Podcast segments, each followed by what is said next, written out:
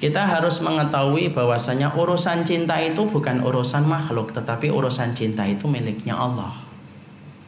Ini sering kita lupa.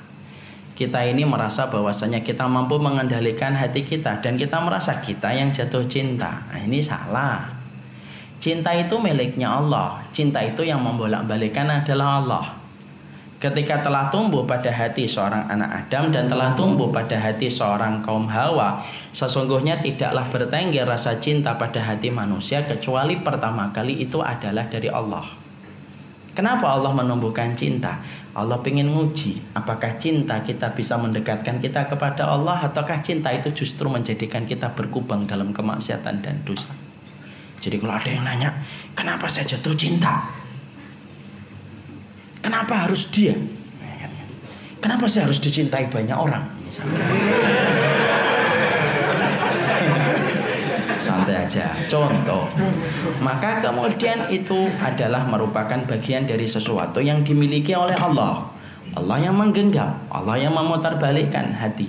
Maka Allah lah yang kemudian memiliki cinta dalam kehidupan manusia. Mana dalilnya Ustaz? Oke, kita sebutkan dalil. Pertama, buka surat An-Najm, buka semuanya. Yaitu surat ke-53, ayat 43. Siapa yang membawa? Antum bawa? Mushaf? Ada. Siapa yang bawa mushaf? Antum? Agarisma? Bawa?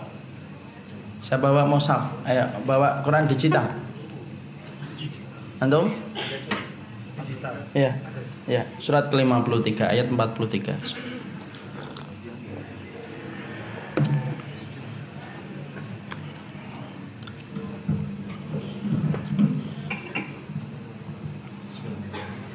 dan sesungguhnya dialah yang menjadikan orang tertawa dan menangis. Ya. Ini dalilnya ikhwan wa annahu huwa adhaka wa abka. Sesungguhnya manusia itu Allah menyampaikan Allah yang menjadikan kamu ketawa dan Allah yang menjadikan kamu menangis.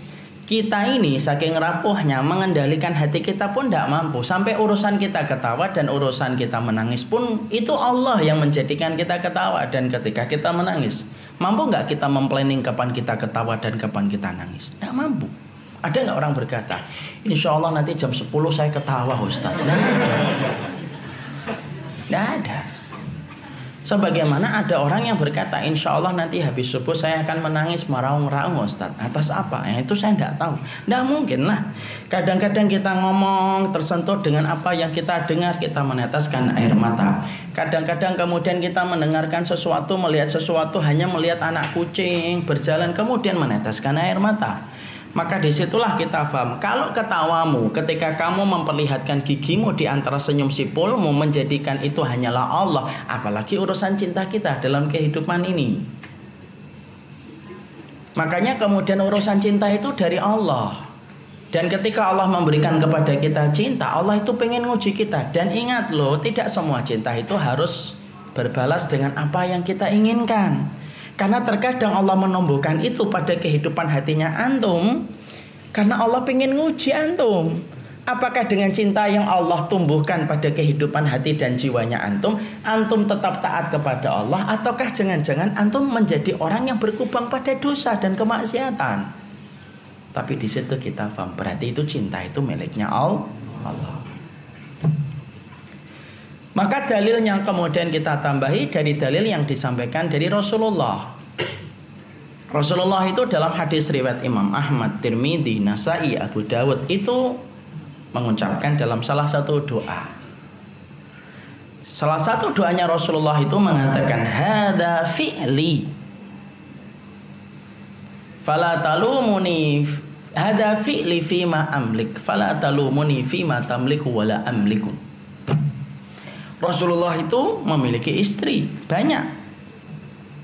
Maka di antara doa Nabi ketika Nabi memiliki banyak istri, maka yang dilakukan oleh Nabi dalam berdoa itu apa? Hada fi'li fima amlik. Ya Allah inilah saya. Dengan perbuatan saya yang saya kuasai.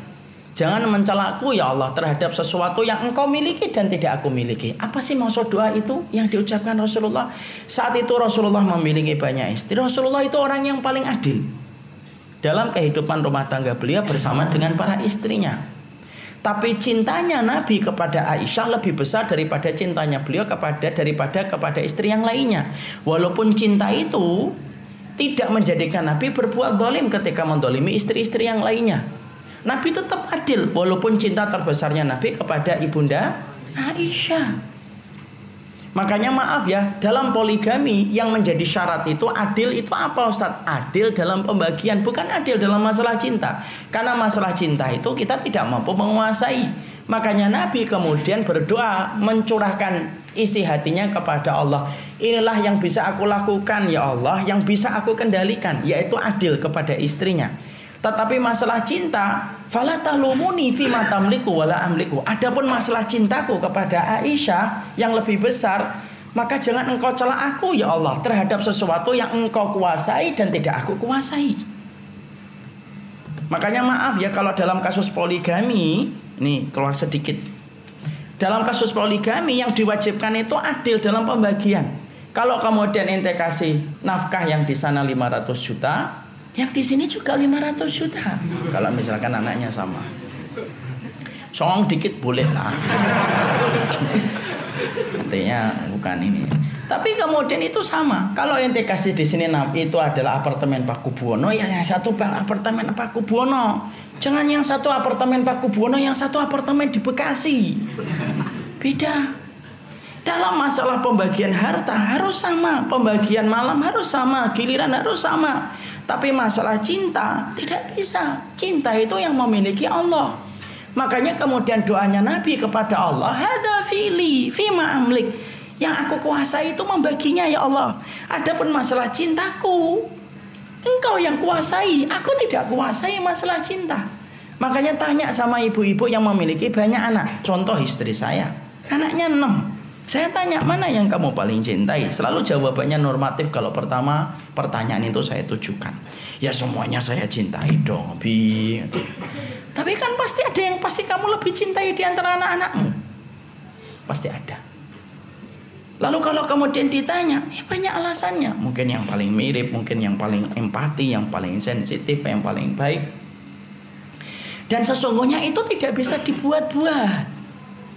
Makanya kalau kita punya anak banyak seperti enam, maka lebih cinta kepada anak yang keempat, lebih cinta anak yang kelima. Boleh tidak dosa. Yang dosa ketika kecintaanmu kepada anak yang kelima menjadikan kamu mengistimewakan dia, lalu merendahkan dan mendolimi anak-anakmu yang lainnya. Nah, itu baru tidak boleh. Berarti kalau ada seorang wanita diberikan banyak anak, dia mencintai semuanya, tapi tetap ada satu anak yang lebih dia cintai. Itu menunjukkan kepada kita bahwasanya cinta itu miliknya Allah. Allah kita tidak bisa untuk kemudian menggugahnya. Makanya kadang-kadang ada orang, kenapa di antara jutaan laki-laki dan jutaan wanita yang pernah seliweran dalam kehidupannya dan hadir dalam teras kehidupannya, kenapa dia jatuh cinta yang itu? Kenapa dia senang yang itu? Kenapa dia senang yang itu? Terkadang itu merupakan bagian dari Allah yang kemudian membolak-balikan hatinya. Makanya kemudian di situlah kita akhirnya faham. Itu dalil kedua cinta itu miliknya Allah.